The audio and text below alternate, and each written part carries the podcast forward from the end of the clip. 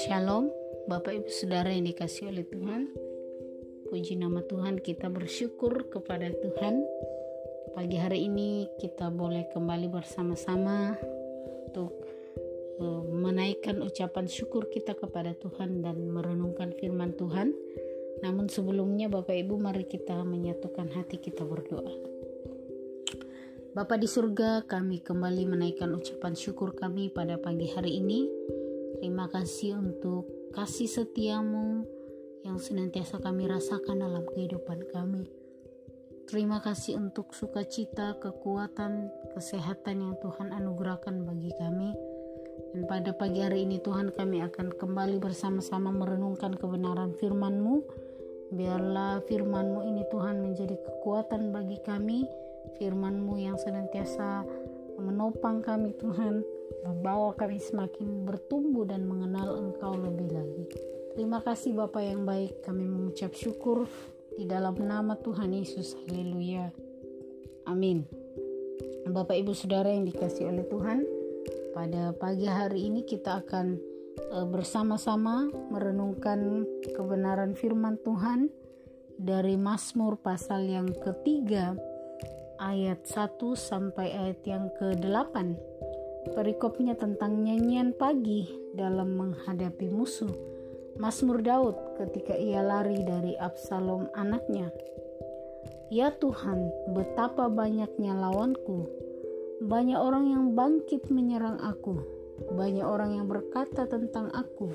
Baginya tidak ada pertolongan daripada Allah. Tetapi Engkau, Tuhan, adalah perisai yang melindungi aku Engkaulah kemuliaanku dan yang mengangkat kepalaku. Dengan nyaring aku berseru kepada Tuhan, dan Ia menjawab aku dari gunungnya yang kudus. Aku membaringkan diri, lalu tidur. Aku bangun sebab Tuhan menopang aku. Aku tidak takut kepada puluhan ribu orang yang siap mengepung aku Bangkitlah Tuhan, tolonglah aku, ya Allahku. Ya, Engkau telah memukul rahang semua musuhku dan mematahkan gigi orang-orang fasik. Dari Tuhan datang pertolongan, berkatmu atas umatmu. Bapak ibu saudara yang dikasih oleh Tuhan, di dalam uh, Mazmur pasal 3 ini, kita melihat bahwa Mazmur ini merupakan nyanyian Daud ketika dia lari dari Absalom. Nah, eh, Bapak Ibu Saudara yang dikasih oleh Tuhan, seperti kita ketahui bersama bahwa Absalom ini adalah anak Daud di mana Absalom melakukan kudeta kepada Daud. Oleh karena uh, di dalam mas di dalam 2 Samuel kita melihat ya uh,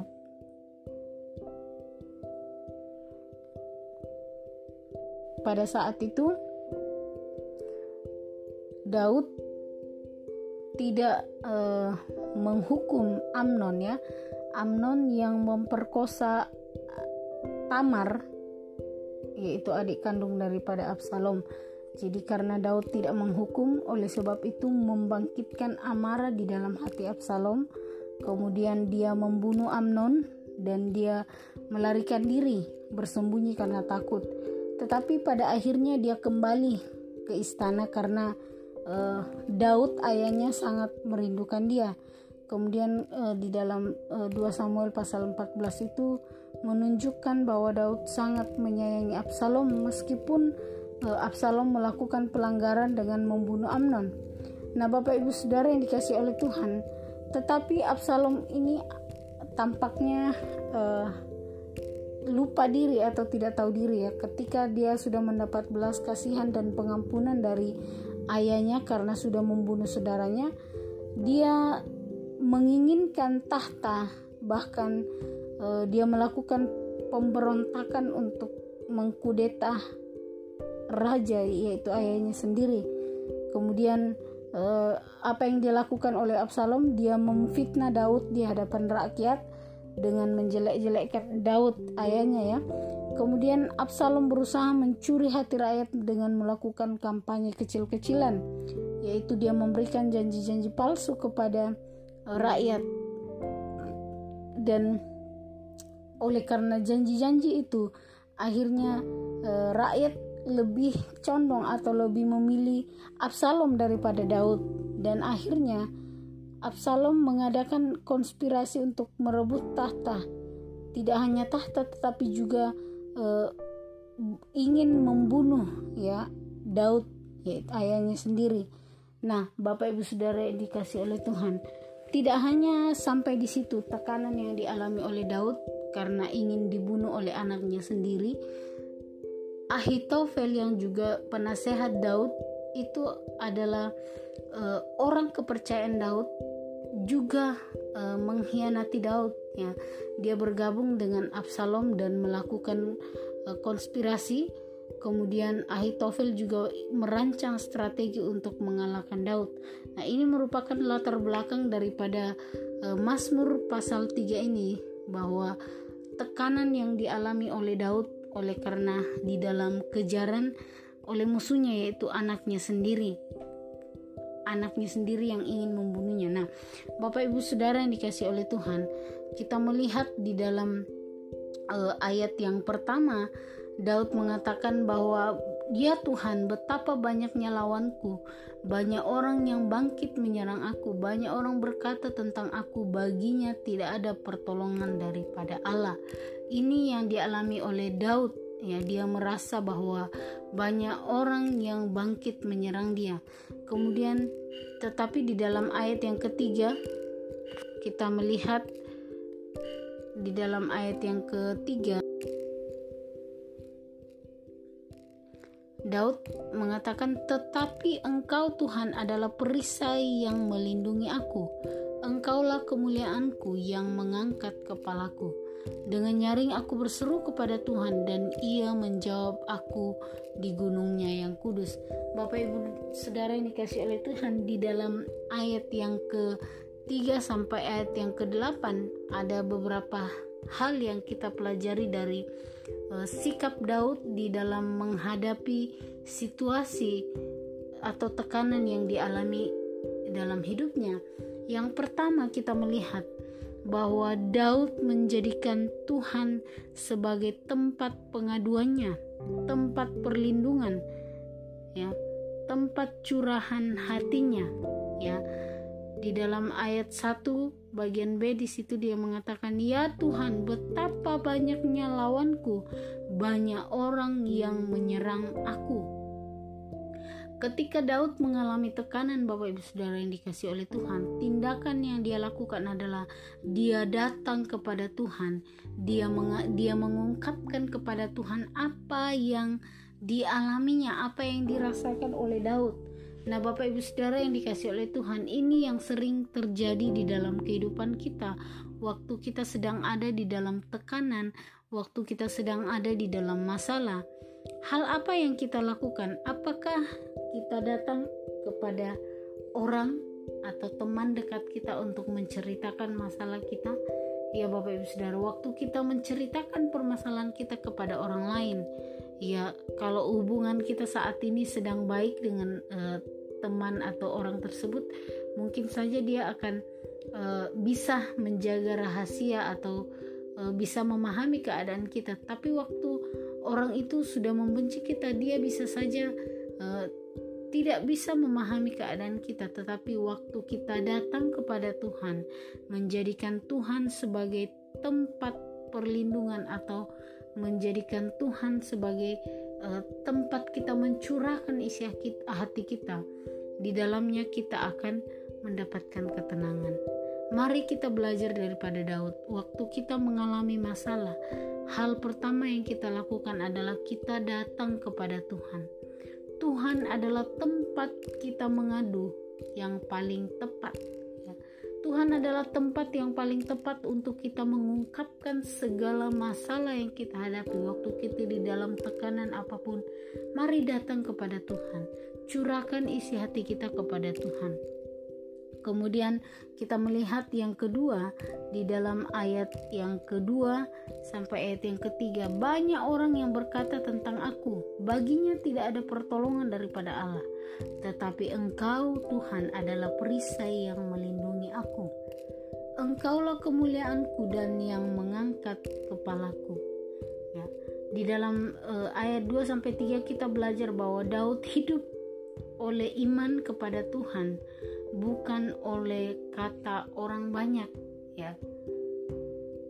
Dia mengatakan di dalam ayat yang kedua dikatakan banyak orang berkata tentang aku baginya tidak ada pertolongan. Kemudian di ayat ketiga tetapi engkau Tuhan adalah perisai yang melindungi aku. Engkaulah kemuliaanku dan yang mengangkat Daud mengatakan sekalipun orang banyak berkata bahwa tidak ada pertolongan bagi Daud, tetapi dia memiliki iman bahwa Tuhan adalah perisai, Tuhan adalah yang akan melindungi, Tuhan yang akan memberi kemuliaan dan mengangkat dia atau menopang Daud di dalam situasi apa pun. Bapak Ibu Saudara yang dikasih oleh Tuhan, kita hidup jangan dengan apa kata orang ya ada e, istilah mengatakan bahwa kita tidak bisa membiarkan burung terbang di atas kepala kita tapi kita bisa mengusir burung itu untuk tidak membuat sarang di atas kepala kita Artinya apa Bapak Ibu Saudara?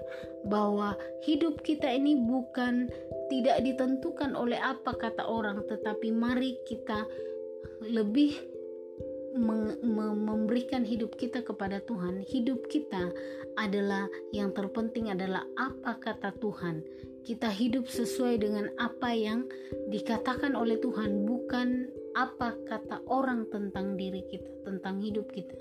Tapi mari kita mengizinkan hidup kita sesuai dengan apa yang difirmankan oleh Tuhan. Mari kita beriman kepada Tuhan bahwa Tuhan adalah perisai, Tuhan yang senantiasa melindungi kita. Kemudian yang ketiga Bapak Ibu, Daud menjadikan Tuhan sebagai tempat pertolongan dan yang akan membela perkaranya di dalam ayat yang ke 7 sampai 8 bangkitlah Tuhan tolonglah aku ya Allahku. Ya engkau telah memukul rahang semua musuhku dan mematahkan gigi orang-orang fasik dari Tuhan datang pertolongan. Bapak Ibu Saudara yang dikasih oleh Tuhan, di dalam tekanan situasi yang Daud alami, dia menjadikan Tuhan sebagai tempat pertolongan yang tepat dan yang akan membela orang percaya. Yang keempat yang kita pelajari dari Mazmur pasal 3 bahwa di dalam Tuhan ada ketenangan dalam ayat 5 sampai 6. Aku membaringkan diri lalu tidur. Aku bangun sebab Tuhan menopang aku. Aku tidak takut kepada puluhan ribu orang yang siap mengepung aku. Ada ketenangan saat kita berserah kepada Tuhan. Waktu kita menyerahkan hidup kita sepenuhnya kepada Tuhan, kita bergantung kepada Tuhan. Di dalam hadirat Tuhan ada ketenangan. Jadi mari Bapak Ibu Saudara, kita belajar dari Daud sekalipun tekanan itu berat sekali kita alami. Mari yang pertama jadikan Tuhan sebagai tempat curhat kita ya, untuk kita mencurahkan hati kita. Kemudian mari hidup sesuai dengan iman kita kepada Tuhan, sesuai dengan apa kata Tuhan dalam kehidupan kita, bukan apa kata orang banyak tentang kita. Kemudian yang ketiga, mempercayai bahwa Tuhan adalah tempat pertolongan yang membela orang percaya. Dan yang keempat, di dalam hadirat Tuhan ada ketenangan waktu kita berserah sepenuhnya kepada Tuhan. Kiranya firman Tuhan ini memberkati kita Bapak Ibu Saudara dalam menjalani hari-hari kita, dalam pekerjaan kita, dalam keluarga, dalam segala hal yang kita lakukan, dalam menghadapi setiap tekanan yang kita alami. Mari kita berserah kepada Tuhan. Kiranya Tuhan Yesus memberkati kita. Shalom.